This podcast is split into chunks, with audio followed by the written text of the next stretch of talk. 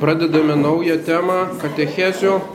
Žiūrėsim, kaip čia išsidėstis laikė, kadangi kol kas nenusistovėjęs yra grafikas, kada kokie kunigai bus.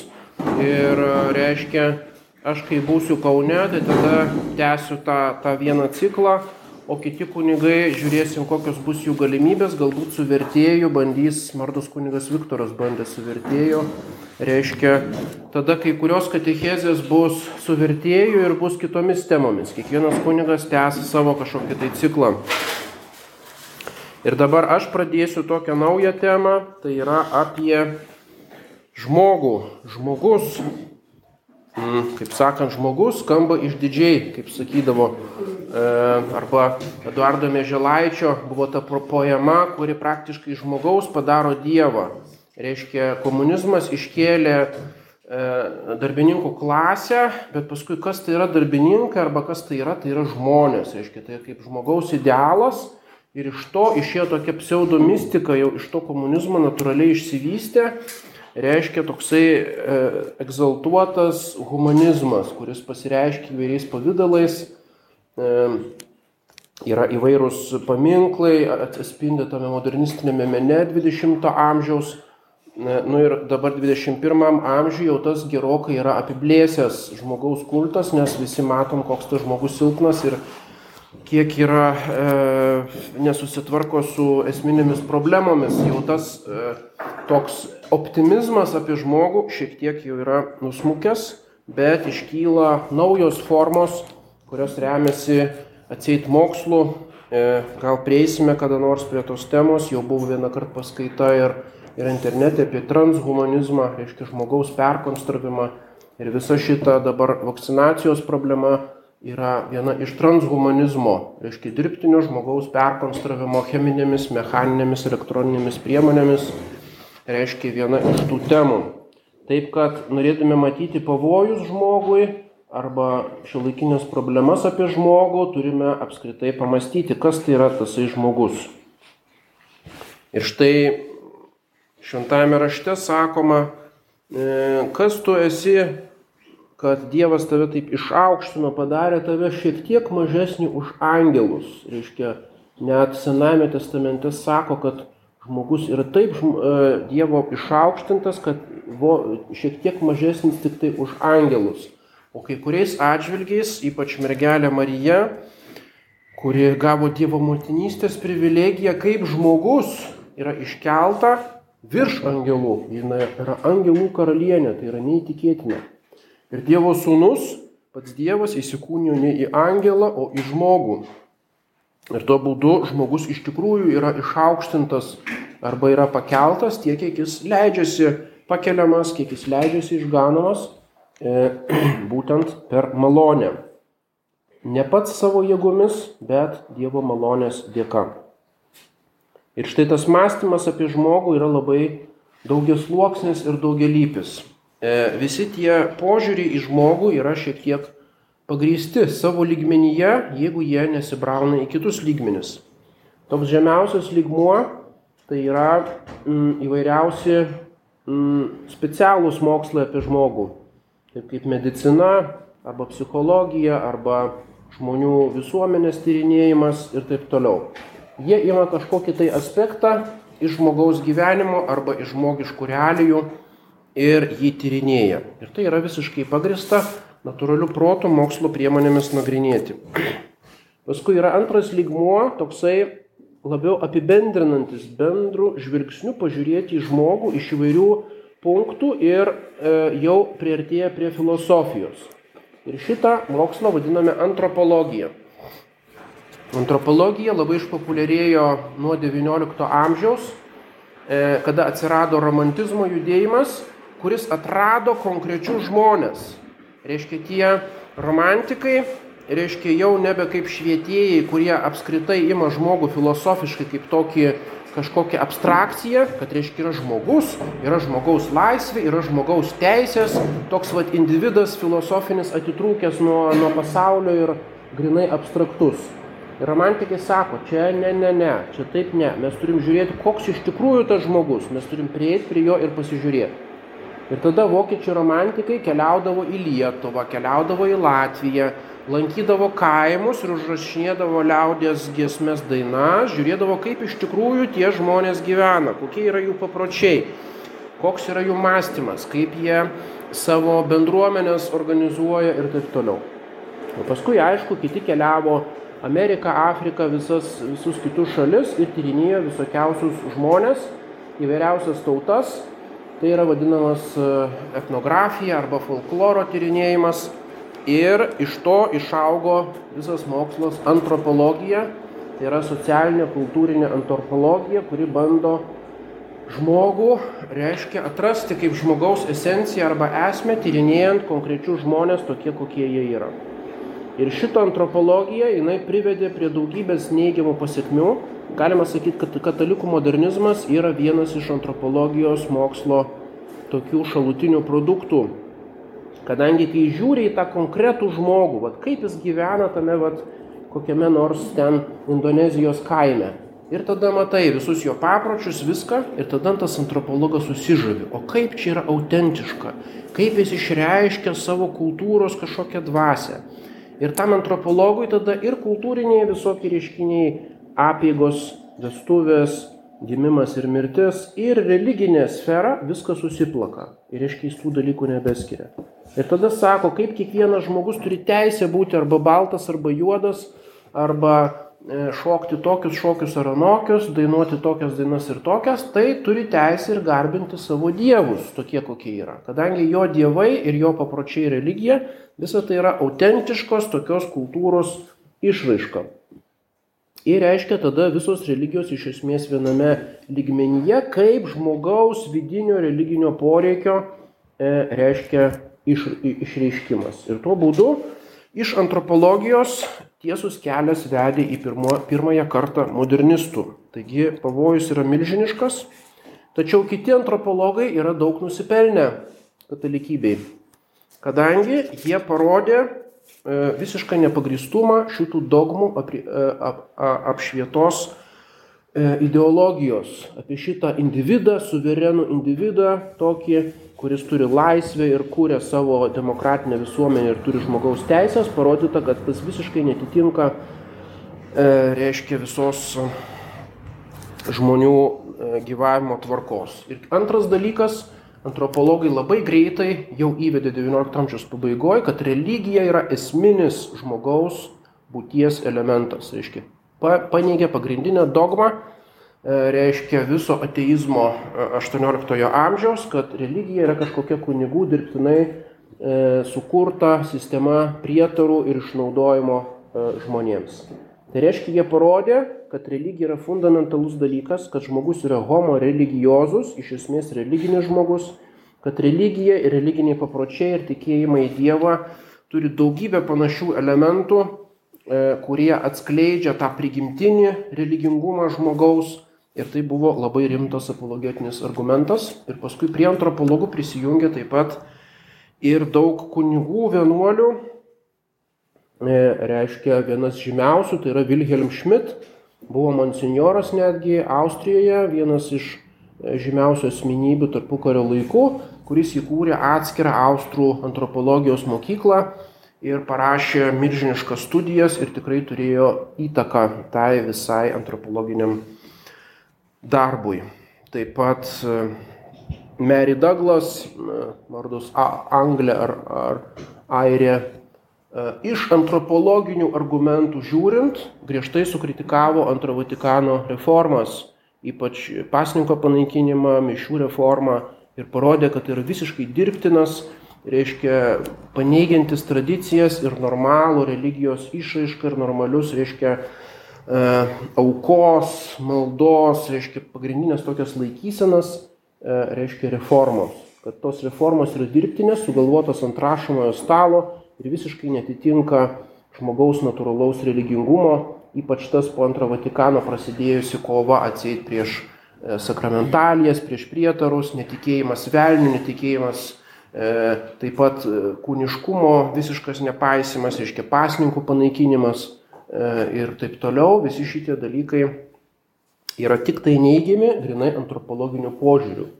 Taip kad antropologija nemažai e, turi ir nemažų nuopelnų.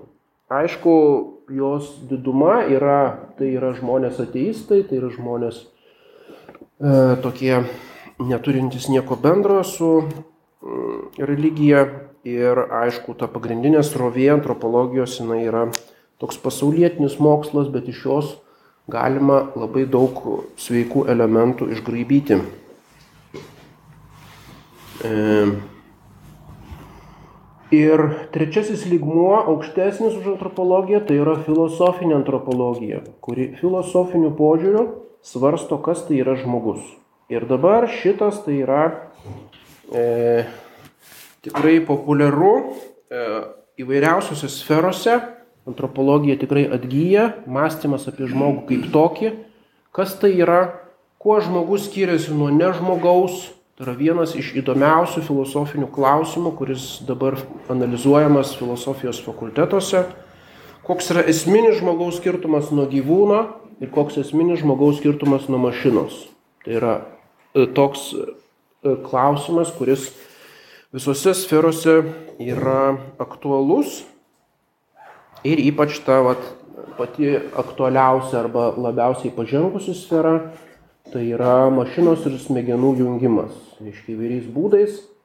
E, hybridizavimas, kad žmogus sujungiamas su mašina ir tada arba ta mašina jam tarnauja, reiškia įgalina jos smegenis ir jo visą asmenybę aukštesnių lygių, arba žmogus tampa mašinos priedu ir jisai tampa, kaip dabar sakoma, daiktų internetas bus Dabar iki šiol buvo žmonių internetas, žmonėms tarpusavį bendraut, o dabar jau yra daiktų internetas. Tai reiškia, daiktai, daiktų prijungtų prie interneto yra jau tūkstantį kartų daugiau negu žmonių sėdinčių prie interneto.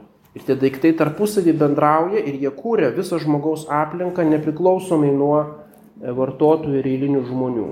Ir tai yra ateitis, tai jau nebėra fantastika, Ir tada yra kaip ir pagunda prijungti tą žmogų prie daiktų interneto, kad jis būtų vienas iš tų daiktų ir harmoningai su tais daiktais, reiškia, veiktų.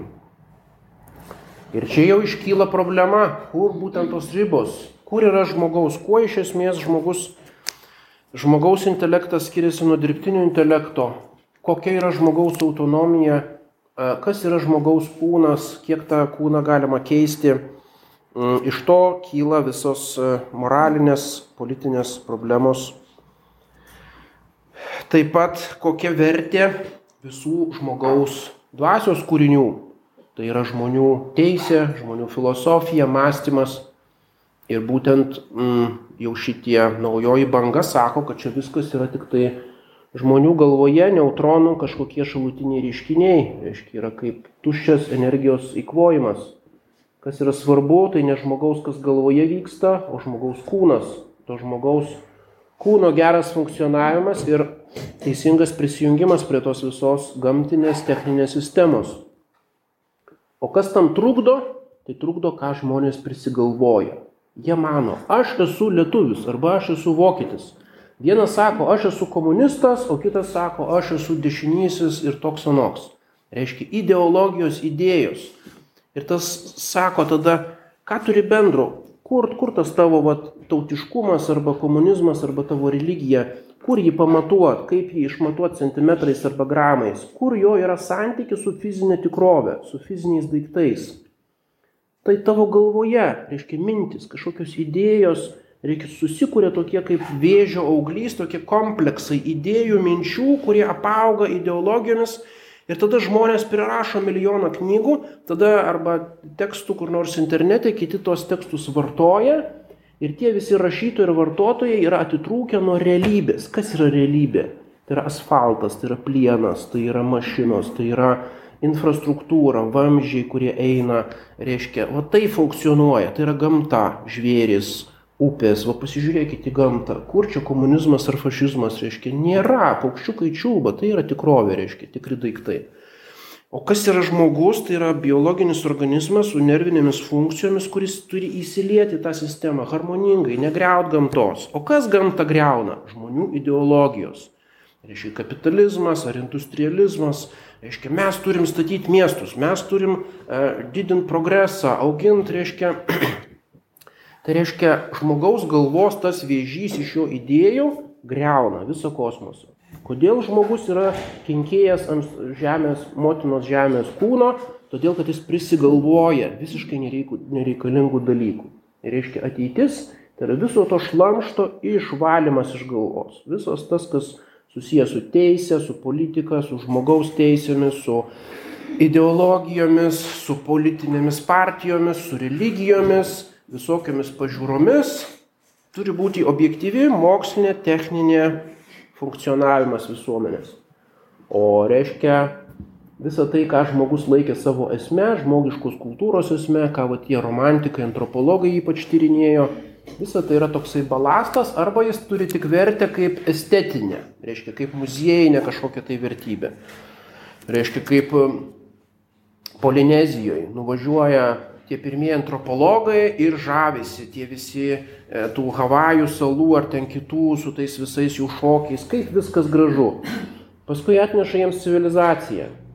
Ir paskui tie polineziečiai, jie gyvena normaliam būte, įsijungia satelitinę televiziją, pasiema alaus iš, reiškia, šaldytuvo, viską naudojasi, o paskui, o, man jau reikia eiti, apsivelka tais visais e, šiaudiniais sijonais ir eina turistams, reiškia, vaidinti savo e, tradicinio gyvenimo. Turistai fotografuoja viską, užmoka pinigų, tada jie grįžta toliau geria savo alų. Ir tada jie sako, mes turim savo customs. Custom tai yra tokį polinezietiškų dialektų, custom angliškas, reiškia, mes turim papročius. Kas yra papročiai?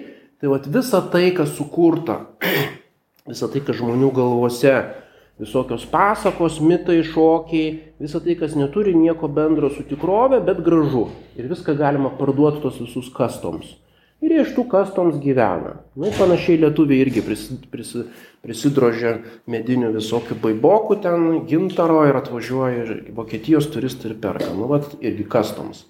Tai vat visą tą, ką žmonės ir dar ta romantinė tradicija laikė kaip svarbiausių žmogaus požymių. Kuo žmogus skiriasi nuo gamtos? Todėl, kad jis kūrė meną, todėl, kad jis turi Dievą, kad jis kūrė valstybę, turi teisinės struktūras, organizuoja visuomenę.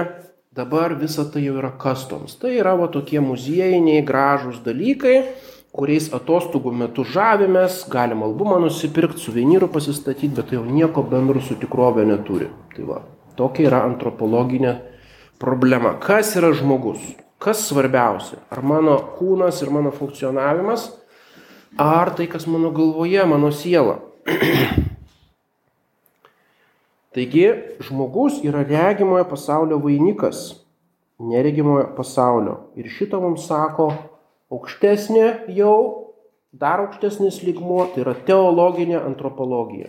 Tai yra teologijos mokslo šaka, kuri remdamasi šventuoju raštu remdamasi e, apreiški, reiškia, tradicija, bažnyčios mokymu, bažnyčios tėvais, jau analizuoja Dievo požiūrių, religinių požiūrių, ką tai reiškia žmogus, kokie jo yra tikslas, apie tai va buvo visa kalba rekolekcijose praėjusią savaitę, kad mes nesam sukurti nei šitai planetos ekologijai, nei techniniams problemams, nei tiems visiems savo idėjiniams problemos, bet mes esam sukurti dangui.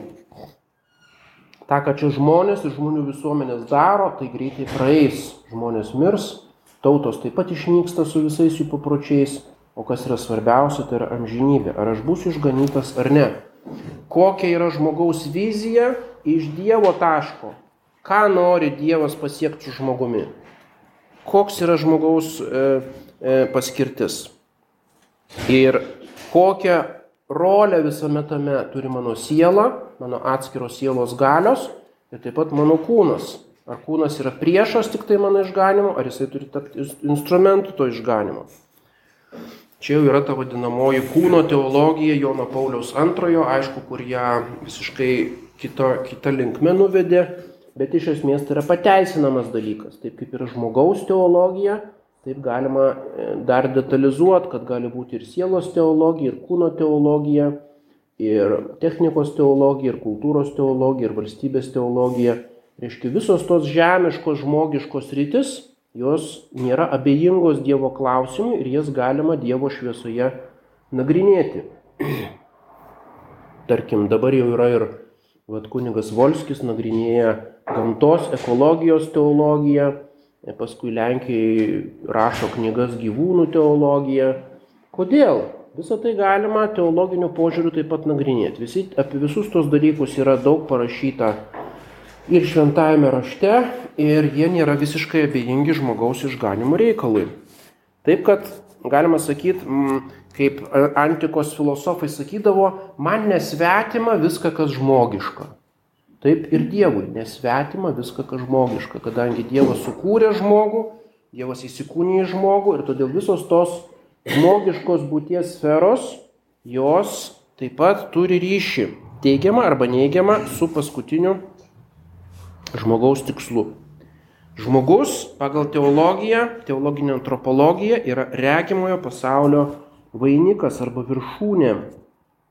Ir taip pat kaip tarpininkas tarp regimo ir neregimojo pasaulio, neregimasis pasaulis tai yra angelai, regimasis pasaulis gyvūnai, augalai.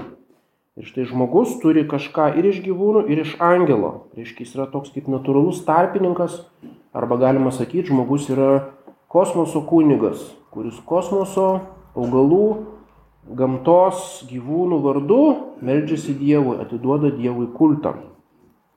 Ir visas pasaulis jam tarnauja kaip kunigui ir karaliui. Ir visas pasaulis turi jam padėti tame išganime. Arba gali jam tapti kliūtimi, jeigu jis blogai juo naudojasi. Taigi tiek apreiškimas, tiek netgi modernus mokslas sako, kad žmogus paskiausiai atsirado pasaulyje, reiškia, jis yra jaunesnis už visas e, dabar paplitusias gyvūnų rūšis, jeigu pasižiūrėsit į musę kokią nors.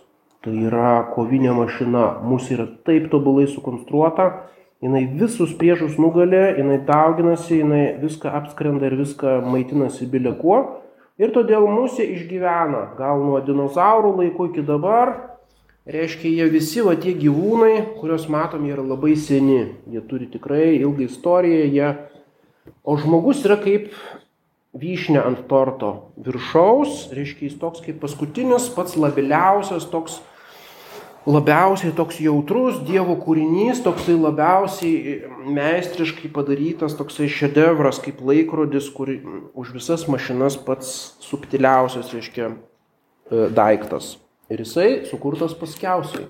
Ta pati mums sako pradžios knyga, kad būtent šeštą dieną žmogus buvo sukurtas jau po visų kitų daiktų.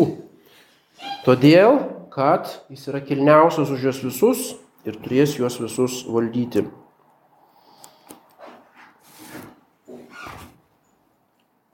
Apie žmogaus kilmę, apie, reiškia, šitą paleoantropologijos klausimą, žmogaus kilmės klausimą, e, čia gal kitą kartą bandysime specialiai, tas yra susijęs su darvinizmo problema, dabar šito nenagrinėsim. Dabar teologija, svarbiausia, kad žmogus buvo sutvur, sukurtas Dievo Jis yra ir kūnų, ir siela, pralenkia visus kūrinius. Gyvūnas gali tik tai, ką gali jo kūnas arba jo nervų sistema, o žmogus gali daug daugiau, tiek individualiai, tiek savo bendruomenę, bendruomenės gyvenimu. Jeigu matom tuos gyvūnus, kurie gyvena bandomis, arba skrusdėlės, arba bites, tai jų bendruomenės, nors ir labai mums daro įspūdį, jos yra nepalyginamai primityvesnės už pačią primityviausią žmonių gentį. Reiškia, žmogus ne vien tik tai kaip individas, bet savo galimybę bendrauti ir kurti bendruomenės, jis yra tiesiog ištisų kosmosų lenkia bet kokius gyvūnus ir bet kokias kitas struktūras. Reiškia, žmonės sugeba kurti tinklus, jie sugeba kurti tokį superstruktūras iš daugelio žmonių, sugeba bendradarbiauti ir kooperuoti milžiniškais atstumais laikė ir erdvėje ko negali gyvūnai ir todėl žmogus yra daug galingesnis už juos visus.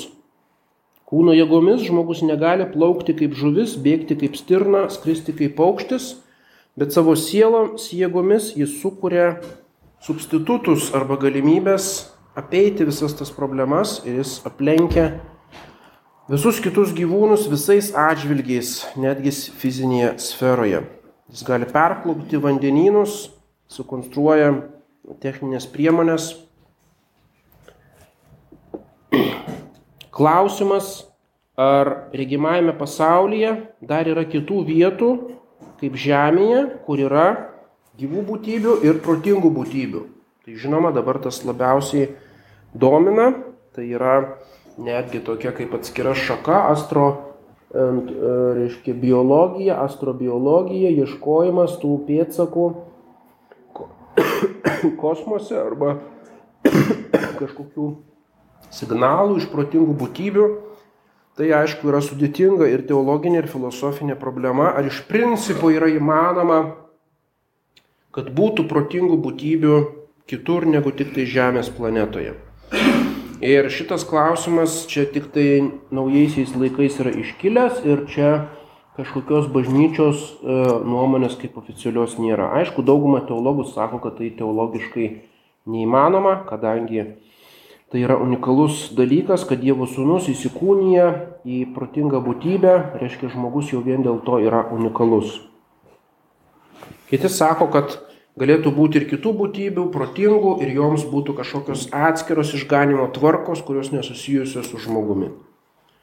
Čia aišku galima įvairiai diskutuoti, žinoma, galbūt Dievui nėra neįmanoma kažkur kitur, kad būtų kažkokios kitos, bet ką tai reiškia protingos? Jų protingumas gali būti visai kitokio lygmens arba kitam, kitoje plotmėje negu mūsų protingumas. Jau vien pasižiūrėję žemėje, kas tai yra protingumas arba gudrumas arba apsukrumas. Dabar populiariausias dalykas tai yra aštuonkojus. Reiškia, visi tyrinėja aštuonkojus, rašo knygas. Aštuonkojo protas, tai yra, sako, kaip koks absoliučiai iš kito kosmoso. Tai yra būtybė, kuri tiesiog nei, neįtikėtina yra. Atrodo tokie kaip drebučiai, reiškia toksai rangosi, visiškai kitoks kūnas ir jo visa nervų sistema sutelkta nesmegenėse, bet visame kūne. Ir jisai sugeba įveikti užduotis, kur joks kitas gyvūnas neįveiks. Jis toks protingas ir gudrus. Ir kaip jis tą pajėgia, būdamas moliuskas, būdamas iš žemosios, reiškia grandies gyvūnų, daugeliu atžvilgių jis yra gudresnis už bežionės arba pačius aukščiausius gyvūnų rūšis. Bet jo protas kitoks, jis visai kitaip masto, jis reiškia visiškai kitame lygmenyje gyvena. Tai galime įsivaizduoti, kad ir žmogaus lygmenį galėtų būti būtybės, kurios tiesiog mes net neįsivaizduojame, mes neturėtume net žodžio nusakyti, ar jos protingos ar neprotingos, jos tiesiog kitoje plotmėje kažką tai darytų. Ir tada Dievas su jomis gali turėti kitų planų. Nebūtinai, kad pas jas turi įvykti visa ta drama, e, reiškia nuopolio ir išganimo. Galbūt ten yra kitos problemos arba kitaip kitas santykis su tvėrėju. Bet čia yra tušti svarstymai, nes nepaisant milžiniškų investicijų ir pastangų, šitokių būtybių surasta nebuvo net menkiausio ženklo. Nei vienas ufonautas nebuvo sugautas ir nei joks pėtsakas nebuvo rastas. Taigi kol kas svarstome tik tai apie žmogų. Reiškia, va ta filosofinė antropologija, tai jinai suveda į vieną lygmenį. Reiškia, yra biologinis žmogus, paskui yra žmogus hybridinis, kyborgas, paskui yra mašina, paskui yra protingas gyvūnas ir paskui yra ufonautas. Reiškia, visų šitų būtybių tarpusavio filosofinis santykis ir moralinis jų statusas. Kiek teisių turi kokio lygmens intelektas. Kiek teisų turi kompiuteris, kad jo neišjungtum. Kiek teisų turi dirbtinio intelekto superprograma, kad tu jos neištrintum ir nesunaikintum. Kiek teisų turėtų ufonautas, kuris nusileistų į žemę, ar tu galėtum jį nušauti ar negalėtum. Ir automatiškai kiek teisų turi patys protingiausi gyvūnai. Ar juos jau reikia jiems suteikti teises, kaip yra didžiulis judėjimas bežionių, reiškia žmogaus teisų judėjimas ar nesuteikt. Va čia įdomi problema. Dievas sukūrė pirmosius du žmonės iš sielos ir iš kūno ir Dievas sukūrė juos betarpiškai, be kitų būtybių e, pagalbos, be angelų pagalbos. Dievas galėjo ir kitaip sukurti pirmosius žmonės, galėjo leisti, kad kokios nors rūšies gyvūnai būtų perkeisti, įgautų kažkokį aukštesnį lygį, tai yra įmanoma. Dievas taip galėjo padaryti. Bet tą, ką mes žinome iš apreiškimo, tas tam prieštarauja. Nes visiškai aišku, kad žmogus tiek kūno, tiek sielos atžvilgių buvo betarpiškai sukurtas Dievo. Apreiškimas liudija, kad žmonių kūrimą Dievas atliko kiek kitaip negu visų regimojo pasaulio dalykų. Kitus dalykus tik tai panorėjo, sako tiesie, ir jie atsirado tokie, kokie yra. O žmonių kūrimas įvyko iškilmingiau. Dievas sako, padarykime žmogų pagal mūsų paveikslą ir panašumą. Apie jokį kitą gyvūną nesakoma, kad jis turi Dievo paveikslą ir panašumą. Visi kiti tvariniai yra tik tai Dievo pėtsakai, vestidžija, o žmogus jau yra imago dėjai, tai yra Dievo paveikslas. Paskui iš žemės jis padarė žmogaus kūną ir įkvėpė į jį dvasę. Ir taip sukūrė pirmąjį vyrą Adomą. Adomas reiškia paimtas iš dirvos, Adama yra dirva. Ir paskui moterį sukūrė iš Adomo. Adomas pavadino ją Ieva, Hava reiškia gyvybė, visų gyvųjų motina. Ir tai mums sako prieškimas ir iki pat 20 amžiaus reiškia pirmos pusės iki antro Vatikano tai yra visiškai aiški teologo nuomonė, kad šitie dalykai nėra atsitiktiniai Biblijoje, tai nėra simboliniai, tik tai kažkokie aprašymai dalykų, kuriuos galima laisvai interpretuoti, bet tai yra istorinių faktų aprašymas, istoriniai faktai, kurių mes kitaip negalime patikrinti net šio laikinio mokslo galimybėmis, o juos gavome iš Dievo apreiškimo. Pratęsime kitą kartą.